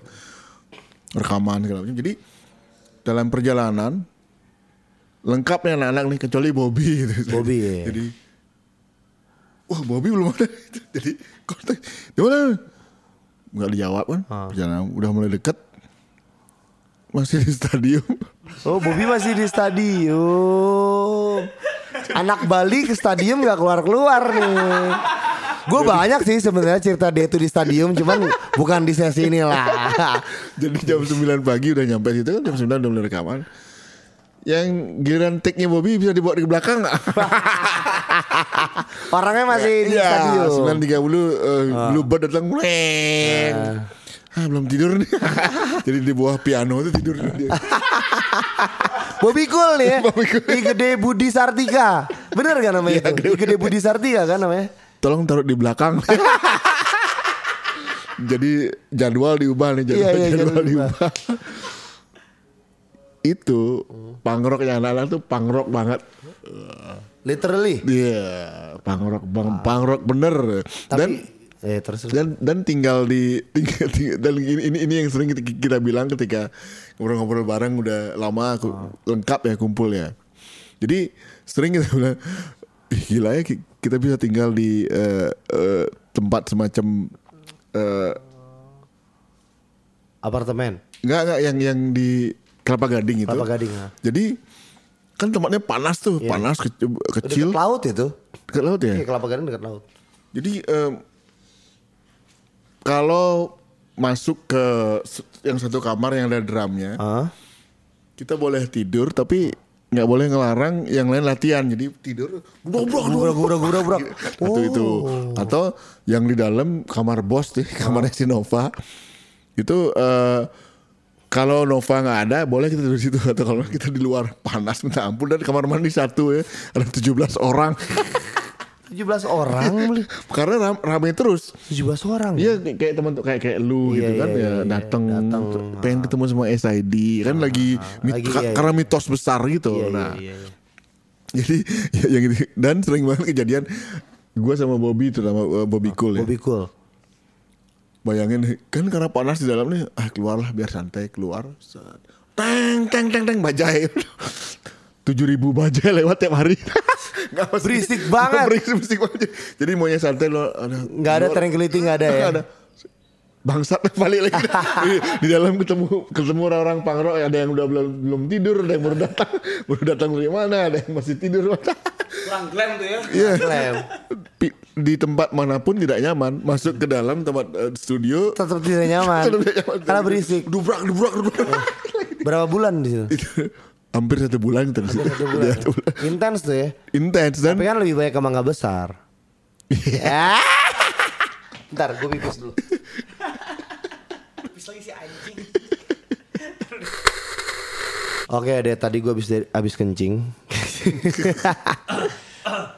gue pengen ngebahas sekarang kita masih ke kilas balik lagi ya, ke kilas balik lagi. eh balik lagi ke album gue bisa ngomong ke album SID yang Hangover Decade karena lu masih ada di sana. Ya. Nah, itu karena banyak kayak semacam dalam tanda kutip balas dendam. Hmm. Bisa jelaskan apakah itu pengaruh dari bom Bali atau apalah? balas dendam apa maksud lu Gue juga gak tahu gue mabok cuy. ya lu ngomong lah.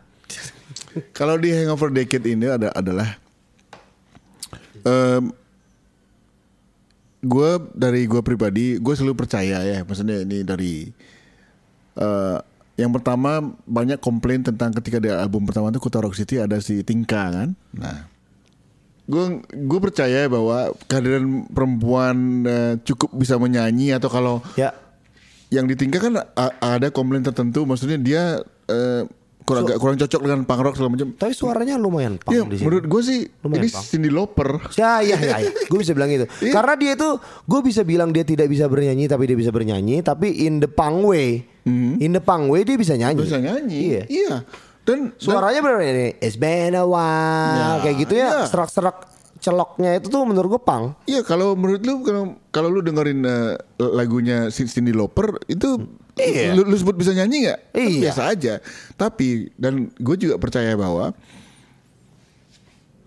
lu ya kontol lah semua lu underground underground cowok semua dan itu me- menyedihkan gitu ya Iya, maksudnya iya, iya. lu keren sih wah berkeringat macam. tapi ujung-ujungnya lu bakal oh ini kontol semua nih kan Iya, batangan banget, Ba- bro. batangan banget bro Ah. dan dari dulu sampai sekarang pun gue praktekkan di the, di The Hydrant bukan bukan gue yang pertama. Maksudnya selalu mengusulkan ini ini pasti bagus untuk this is rock and roll man. This Yeah. is this is about entertainment. Maksudnya kalau lu lu kan bukan band yang lu pangrok pangrok banget yang metal metal banget udahlah lu makan makan anjing makan apalah terserah lu. Tapi Tuh, gue gak makan anjing loh Awas ya, lu. ya, ya, ya.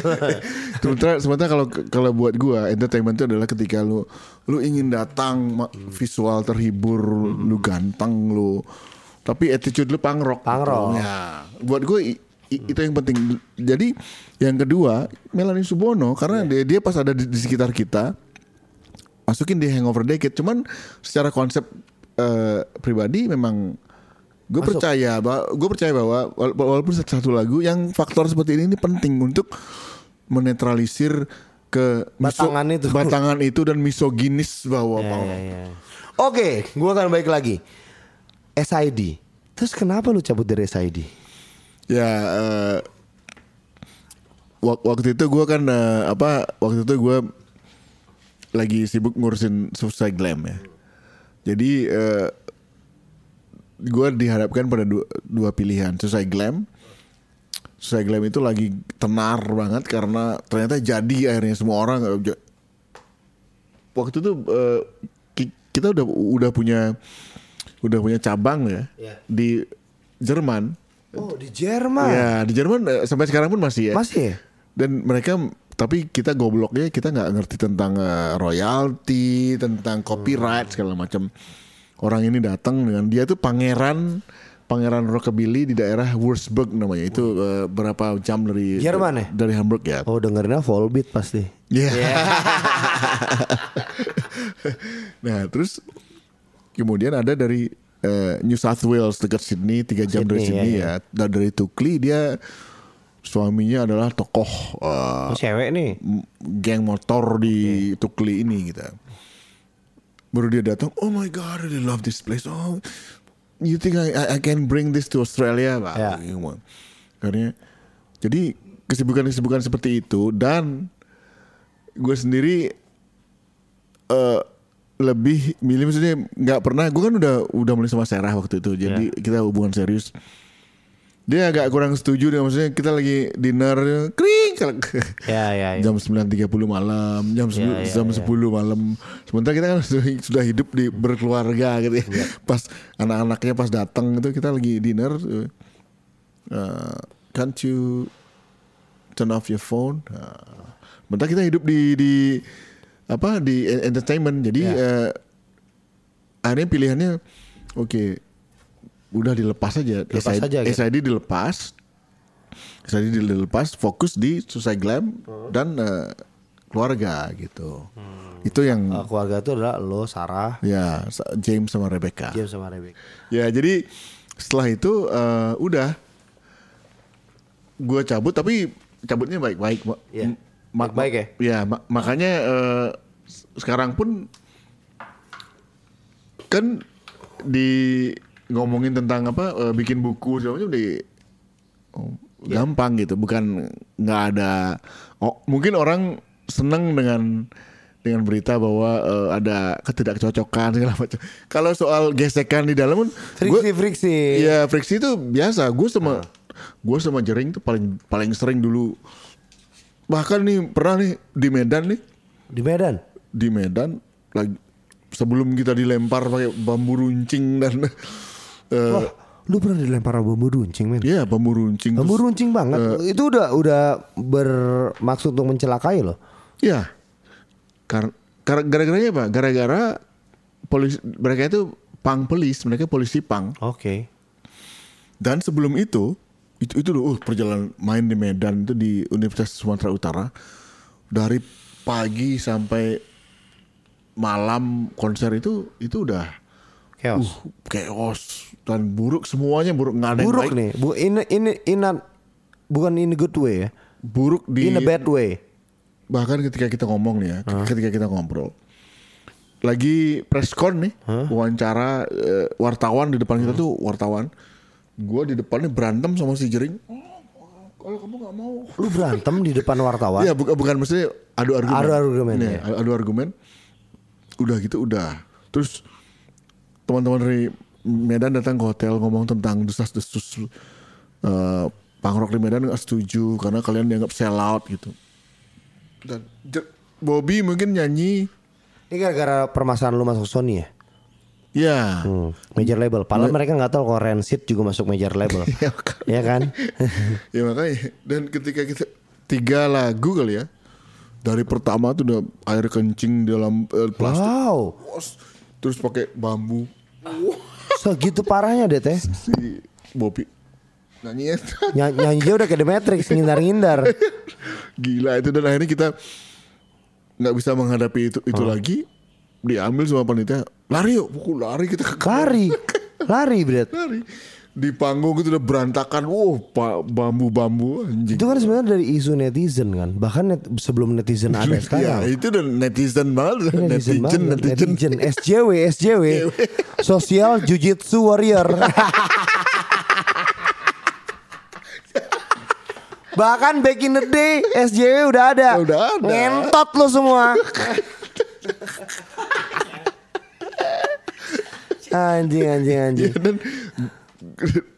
setelah itu gue ngeliat anjing, dan dan mereka itu ngerasa dan ini sama deh sama dengan orang-orang yang datang mendatangi restoran babi Eh. dan menganggap dirinya itu sedang membela kebenaran. Oh iya iya. Persis seperti itu. Persis. Gue pikir lu pengen lari ke gua, jangan. Enggak, enggak, enggak, enggak, enggak, enggak.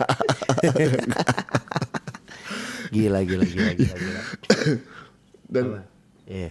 dan itu yang yang yang yang gue ngeliat kayak gitu dan akhirnya gua ketika gua gua berhenti gue berhenti, kita berhenti berhentinya baik-baik maksudnya Oke, berarti nggak ada sampai sekarang masih bagus relasi sangat bagus sangat bagus. sangat ya? sangat bagus Iya, nggak ada Jering, nggak ada Jering perubahan. kemarin juga bilang gitu kok. ya oh, sangat kan, bagus. ya. gitu. Oke, ini terakhir Dad. Kita udah mau habis nih, kita mau habis Dad. Tolong kasih sebenarnya nggak ngaruh sih ke Dad lu. Cuman eh, ini produser gue nyuruh gue ngomong ini. Dad, tolong jelasin tentang drink responsibility. Oh ya. Nah, ini ini juga penting ya eh, buat kita.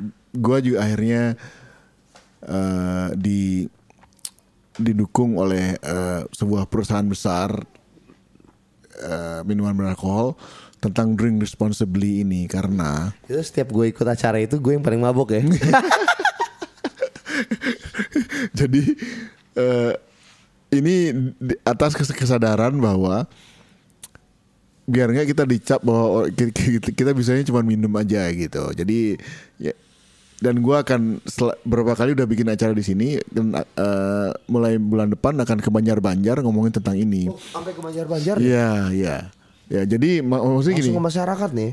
Ya, karena eh, yang mengkhawatirkan adalah kita minum cuman nggak apa-apa kalau ke- habis minum kita eh, naik motor dan lu sendiri mati gitu. Kalau orang lain yang mati juga itu yang yang berbahaya kan. Jadi intinya adalah yang penting setelah kita minum kita bertanggung jawab kita kita tidak membahayakan orang lain. Ya ba- bagaimanapun juga mau lu whisky, mau lu bir, mau Iya. apa pun minum al- alkohol, lu harus tahu batasnya. Iya. Ya nggak sih? Tahu batasnya. Tahu ya. batasnya. Minum bertanggung jawab, muda berbuat bertanggung jawab. Gue Ya. muda lagi ya.